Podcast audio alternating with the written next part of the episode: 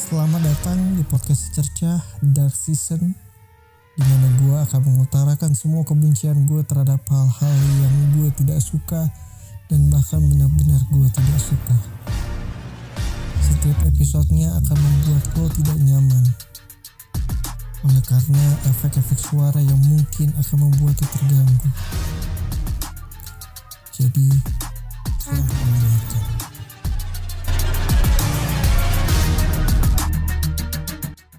gue nggak mau basa-basi makin ke sini gue makin merasa gue nggak butuh banyak orang. Walaupun gue sering ngeluh ke pasangan gue di mana gue merasa kesepian. Cuman ketika gue lagi di tengah-tengah hiruk pikuk gue punya perasaan gak nyaman khawatir cemas karena terlalu rame gitu. Gue bingung sama apa yang salah sama gue apa yang tidak benar dalam pikiran gue gue tidak mengerti. Cuman gue ngerasa betul kayak anjing ini rame banget kalau dulu gue mau jadi pusat perhatian di tengah keramaian sekarang gue nggak gue jadi nggak mau. Bahkan kalau bisa orang nggak notice kalau gue ada di sana. Awalnya gue sempet baper karena gue ngerasa gue di sana tapi yang di post yang gak ada gue nya sempet gue baper karena itu. Cuman karena satu dan lain hal gue jadi ngerasa bersyukur banget kita gue nggak ada di sana. Maksudnya orang nggak tahu kalau gue di sana asli setelah gue pikir-pikir gue nggak perlu lah dilihat orang di sosial media. Kalau lo nganggap gue teman cukup aja gue ketemu secara personal kita sharing dan ya udah. Gue sering untuk ketemu beberapa orang secara personal duduk bareng dan kita diskusi ngobrolin hal-hal yang kita alami. Atau bahasanya bahasa kerennya itu adalah update kehidupan. Sekarang gue jadi benci sama yang namanya nongkrong karena ada dua hal yang gue rasain. Yang pertama either lo nggak ngomongin orang atau bercanda keterlaluan sampai akhirnya lo pakai tameng jangan baperan ke orang yang lo hina gitu kan. Yang kedua adalah ya lo sih mainin gue sama cewek gue kalau lagi berduaan gitu juga kok maksudnya ya kita main ML bareng ngepush bareng cuman nggak sering. Gue ngepush serius ya kalau di rumah. Kan kalau lagi jalan ke mana sisanya ngobrol apa aja gitu. Mulai dari yang nggak penting sampai yang penting. Mulai dari masalah-masalah krusial sampai masalah receh kita bisa cari jalan keluar sendiri tapi enak kalau didiskusiin gitu. Gue ngerasa banget energi gue gampang banget terkuras kalau gue ada di tengah keramaian akan tahu capek lagi kalau udah energinya nggak sama plusnya frekuensi kalau ada yang bilang temenan nih jangan pilih. Ini sekarang pemilihnya lagi. Kalau mau temenan nggak tahu kenapa ya tanpa merendahkan sebuah profesi terkait gue punya analogi mainstream yang gue pegang sampai saat ini. Yaitu kalau lo nggak mau bawa sampah ya jangan main di bak sampah gitu. Kalau mau bawa wangi ya main di tempat wangi gitu. Udah nggak bisa anjir. Gue bergaul kebanyakan. Mending gue punya banyak peer group yang diisi sama 3-4 orang. Tapi tempatnya beda-beda daripada gue punya banyak temen yang kebanyakan yang ada di mana-mana gitu karena kayaknya gue udah pernah bahas ini deh. semakin banyak temen yang lo punya semakin banyak waktu asa dan tenaga yang lo korbankan.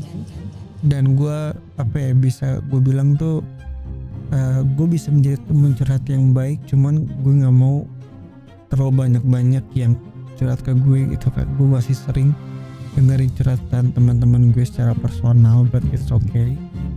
Jadi sekarang tuh lebih kenanya ya hubungan personal aja nggak nggak circle lagi gitu karena gue pernah baca kayak semakin palsu diri lo temen lo makin banyak tapi semakin asli diri lo temen lo makin dikit. That's why gue nggak mau bahas siapa asli di sini dan yang nggak asli. Cuma dari penggambaran yang gue gambarkan di episode ini lo udah tau lah gue bagian yang mana.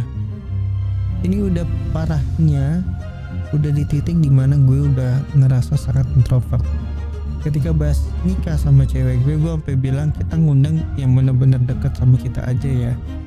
Nggak usah ngundang saudara-saudara yang nggak relate sama kita.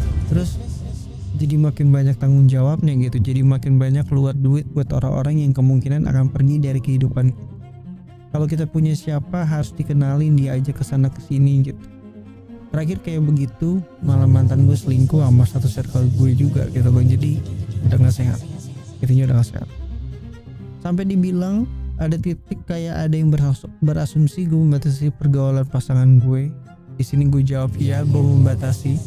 Agar pasangan gue tahu bahwa prioritas itu penting gak harus nolong ngikutin apa yang sosialnya kasih. Karena semakin ikutin para perasaan gak enak buat nolak satu sama lain akan semakin besar dan lo akan semakin mudah digiring untuk untuk dimanipulasi sama keadaan.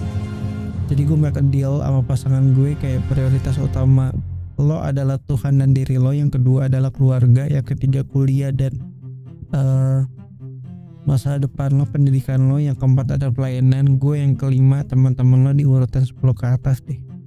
Kenapa? Supaya tanggung jawab so, uh, supaya lo punya tanggung jawab sosial gitu. Uh, sorry maksud gue supaya tanggung jawab sosial lo tuh berkurang dan lo bisa jadi diri sendiri gitu semakin banyak teman semakin banyak preferensi yang bisa bikin lo kehilangan orientasi dan itu berbahaya. Caranya gue berikan pilihan yang sudah pasti menyenangkan. Gue ngajak dia jalan ke tempat yang belum pernah pasangan gue datengin. Terus juga jadi bisa bikin pasangan gue lupa. Karena kenapa? At the end of the day kebagian pasangan gue adalah tanggung jawab gue gimana pun itu. Ketika gue meminang pasangan gue sekarang Gue gue harus mikirin masa depannya yang belum tentu dipikirin sama teman-teman ketika dia susah belum tentu juga teman-temannya mau nolongin. Tapi gue sudah berjanji gue sudah bernazar bahwa ketika lo susah ada gue yang selalu ada ketika lo lagi di bawah gitu kan. Siap nggak siap suka nggak suka. Dan ini yang terakhir memutus hubungan pertemanan bukan sebuah dosa kecil gue memutus pertemanan gue dengan banyak orang supaya gue nggak kehilangan orientasi dan komitmen gue nggak goyah plus gue nggak mau ada beban sosial yang harus gue tanggung di masa yang akan datang